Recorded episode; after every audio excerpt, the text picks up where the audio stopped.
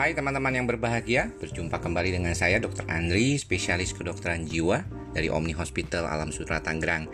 Di podcast saya kali ini saya ingin sedikit berbicara mengenai masalah jimat. Apa nih? Jimat itu biasanya adalah sesuatu hal yang dipercaya mempunyai kekuatan untuk membantu seseorang. Misalnya melewati uh, suatu kondisi, keadaan, ujian, ya dan mungkin sebagai pelindung juga. Nah, sebagai seorang yang tinggal di daerah uh, Indonesia, tentunya kita sendiri menyadari bahwa banyak sekali tempat-tempat di daerah kita yang mempunyai kepercayaan terhadap jimat tersebut.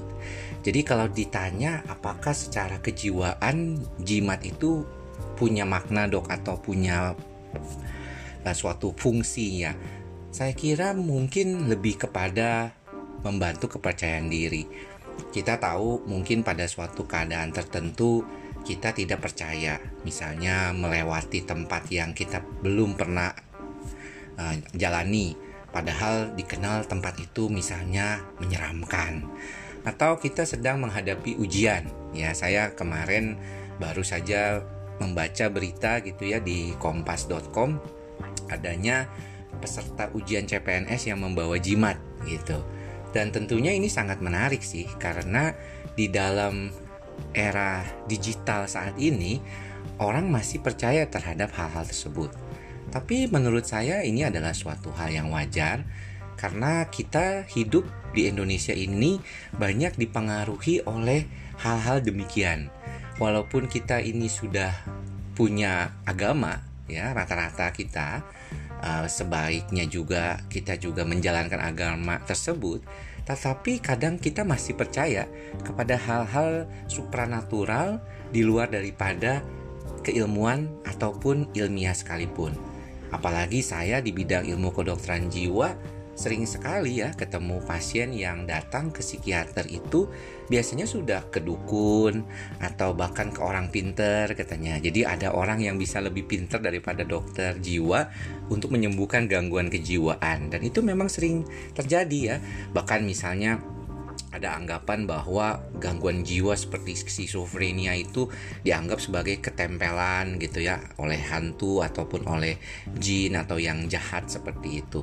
Jadi kepercayaan ini juga tumbuh subur di dalam uh, kehidupan kita sebagai seorang uh, manusia di Indonesia dan walaupun sudah banyak uh, bukti-bukti uh, ilmiah terkait dengan hal-hal yang berkaitan dengan kejiwaan, orang tuh masih membutuhkan ya suatu proses kepercayaan diri di mana dia mungkin ingin dibantu.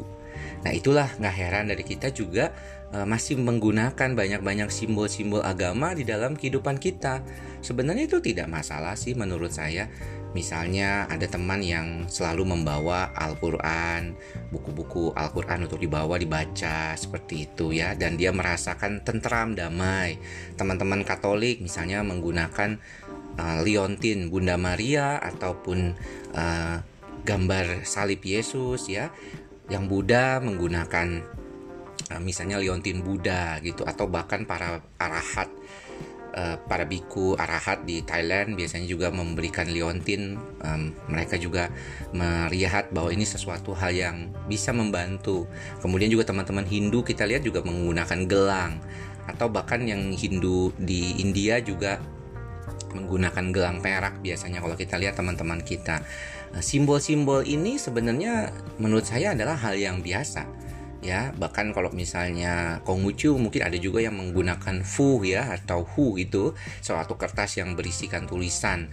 Itu untuk mengingatkan kita terhadap uh, bagaimana kita bisa merasakan terlindungi oleh Eh, benda-benda tersebut. Walaupun mungkin secara keilmuan orang merasa bahwa yang bisa melindungi diri sendiri adalah dirinya sendiri gitu bukan benda-benda tersebut. Namun ada sebagian orang memang yang mempercayai ya mungkin teman-teman yang mendengarkan juga mempercayai bahwa memang ini apa benda-benda tersebut mempunyai uh, sesuatu yang uh, bersifat uh, kekuatan ya menambah kekuatan Uh, misalnya kayak jimat tadi, uh, walaupun mungkin sebagian dari kita menganggap kalau pakai jimat mungkin ya musyrik kali ya kalau di dalam Islam itu. Uh, tapi saya sendiri misalnya di dalam praktek sehari-hari saya menggunakan gelang ya yang bertuliskan Om Mani Padme Hum. Saya dapatkan dari Tibet uh, di mana Om Mani Padme Hum itu sebenarnya adalah suatu cara saya untuk mengingatkan untuk saya berbuat baik selalu. Jadi dibilang ini jimat dok ya terserah lah mau dibilang apa tapi ya saya tidak menganggap ini jimat ini cuma sebagai aksesoris tetapi aksesoris ini bisa menambah keyakinan saya kepada agama saya Buddha dan juga membuat saya merasa bisa membantu saya untuk selalu mengingatkan saya untuk berbuat baik. Karena kan manusia juga kadang-kadang perlu diingatkan untuk selalu berbuat baik.